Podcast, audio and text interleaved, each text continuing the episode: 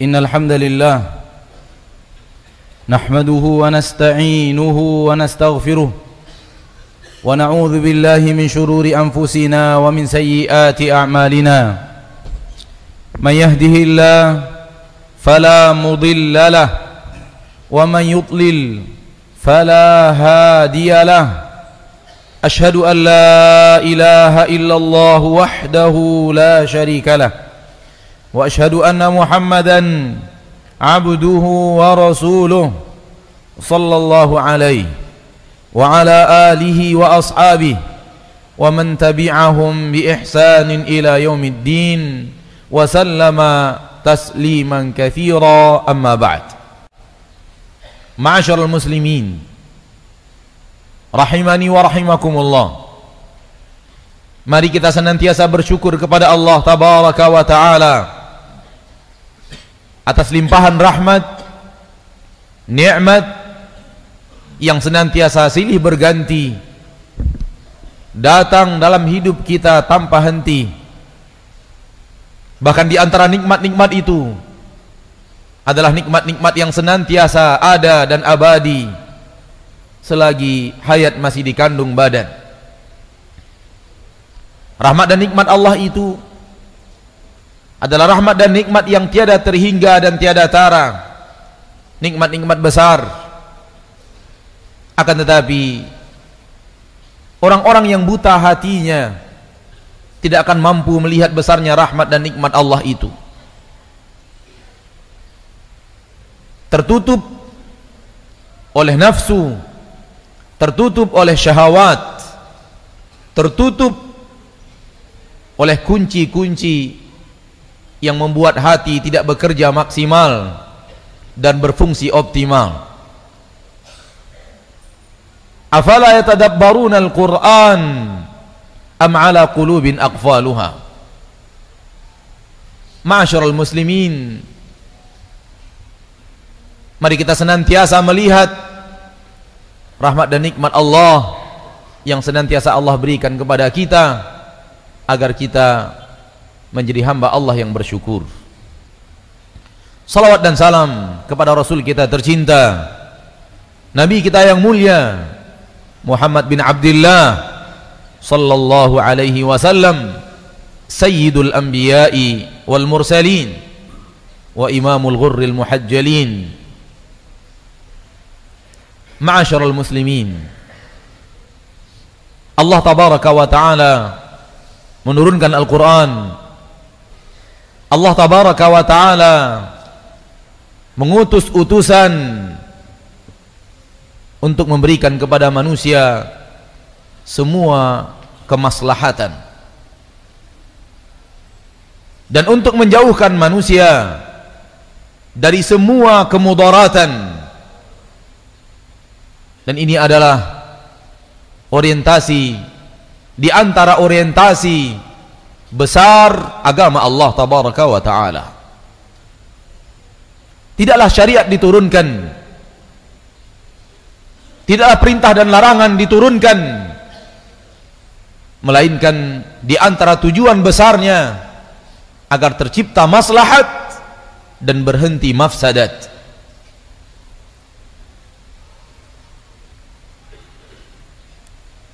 Oleh karena itu, semua yang berhubungan dengan menghancurkan kemaslahatan baik kemaslahatan pribadi, kemaslahatan rumah tangga, kemaslahatan bermasyarakat sampai kepada kemaslahatan berbangsa dan bernegara adalah sesuatu yang pasti bertabrakan dan berseberangan dengan agama Allah tabaraka wa taala. Semua ulama para dai dan ustaz yang mempelajari agama Allah pasti tahu pasti mengerti bahwa agama Allah ini untuk menjaga kemaslahatan dan menjauhkan manusia dari mudarat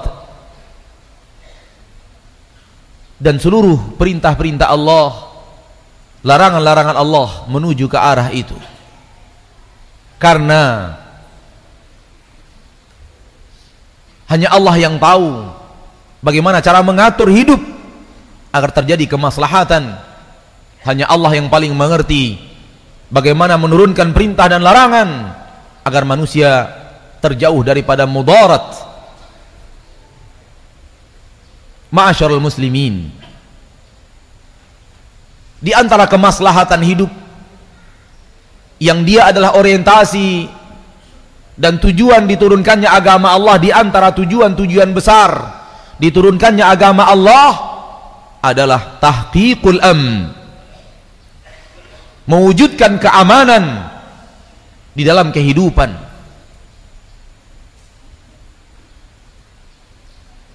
Sekali lagi di antara maksud dan tujuan besar di antara orientasi besar diturunkannya agama Allah adalah mewujudkan keamanan dan menjauhkan manusia dari rasa takut. Agama Allah tidak akan bisa kita jalankan dengan baik manakala kita tidak aman. Syariat Allah tidak akan bisa kita laksanakan dengan sempurna kecuali dengan adanya keamanan oleh karena itu Allah tabaraka wa taala benar-benar memerintahkan manusia umat Islam untuk menjaga terwujudnya keamanan itu. Bisakah kita mencerna kenapa Allah melarang kita mencuri agar terwujud keamanan orang yang memiliki harta? Tak bisakah kita memahami kenapa kita dilarang membunuh? Agar terwujud keamanan bagi orang yang punya nyawa.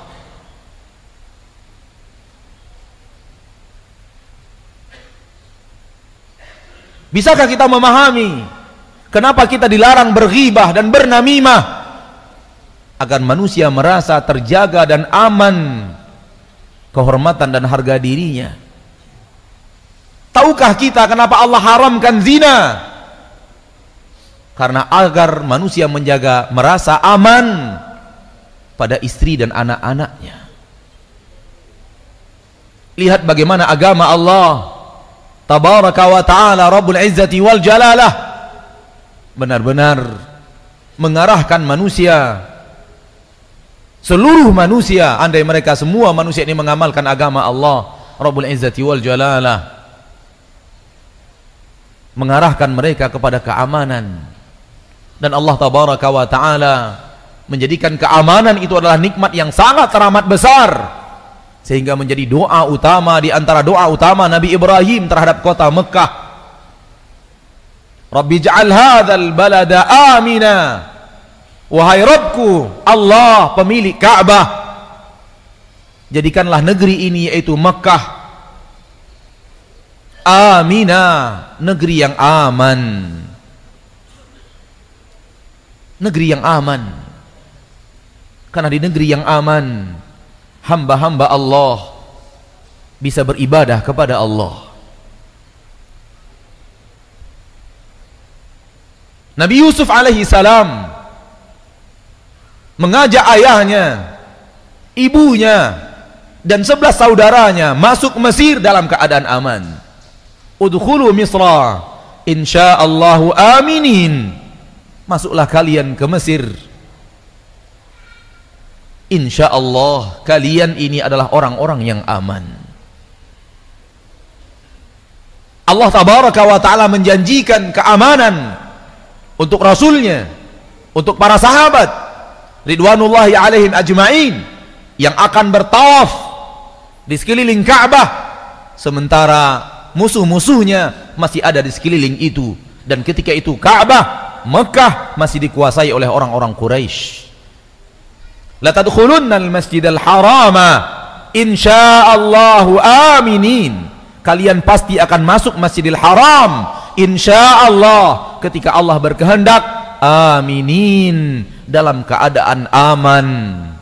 Walaupun di sekeliling kalian musuh-musuh masih berdiri. Musuh-musuh masih ada. Tapi kalian akan tawaf di Ka'bah dalam keadaan aman. Manakala agama Allah diamalkan. Manakala syariat Allah sunnah Rasulullah ditegakkan. Maka akan terjadi keamanan tergantung sejauh mana manusia mengamalkan agama Allah itu. Manakala dia mengamalkan dalam pribadinya sendiri maka pribadi itu akan menjadi pribadi yang aman tenang dan tentram dan tidak ada rasa takut dan gentar. Manakala diamalkan dalam sebuah keluarga maka keluarga itu akan menjadi keluarga yang aman. Hubungan suami istri akan aman hubungan anak dan dan orang tua akan aman. Hubungan mertua dengan menantu akan aman. Makalah diamalkan di tengah RT dan RW maka RT dan RW itu akan menjadi ET dan RW yang aman. Diamalkan di sebuah kota. Syariat Allah kota itu akan menjadi kota yang aman. Diamalkan dalam sebuah daulah di sebuah negara. Maka negara itu akan menjadi negara yang aman maka agama Allah. Satu-satunya agama yang merupakan solusi internasional.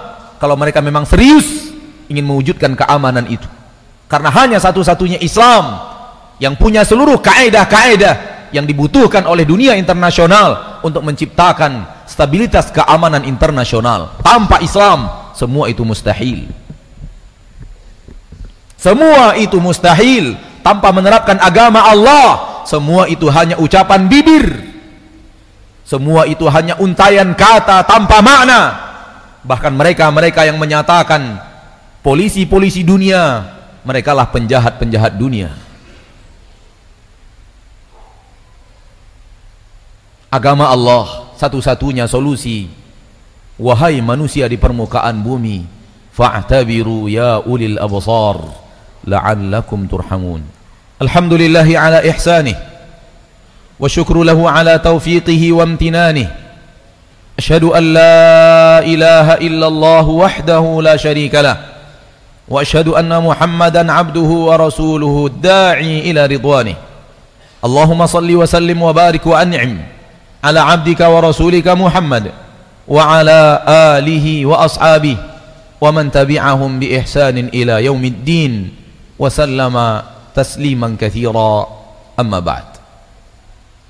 Kalau kita sudah tahu bahwa agama Islam benar-benar ingin mewujudkan keamanan peraturan-peraturan agama Islam agar menciptakan keamanan kenapa orang yang berzina dihukum?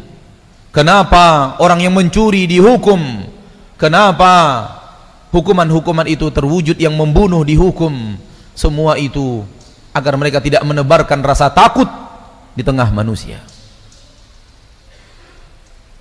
Karenanya anda saudara-saudaraku anda saudara-saudaraku yang mengatakan mengamalkan agama Islam namun anda menebarkan rasa takut di permukaan bumi dengan aksi-aksi anda. Demi Allah anda tidak lagi selaras dengan agama Allah. Anda sudah melenceng jauh dari syariat Allah.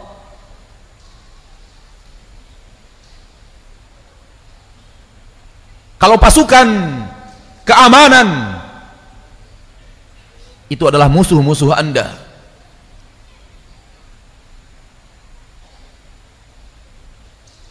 Maka Anda bukanlah orang yang mengamalkan agama Allah. Dan ada yang salah dan keliru dalam pemahaman Anda terhadap agama Allah. Adakah agama Allah memerintahkan seseorang untuk meledakkan dirinya di hari Jumat sehingga melukai, mencederai, hampir membunuh manusia-manusia yang sedang melaksanakan sholat Jumat agama apa ini?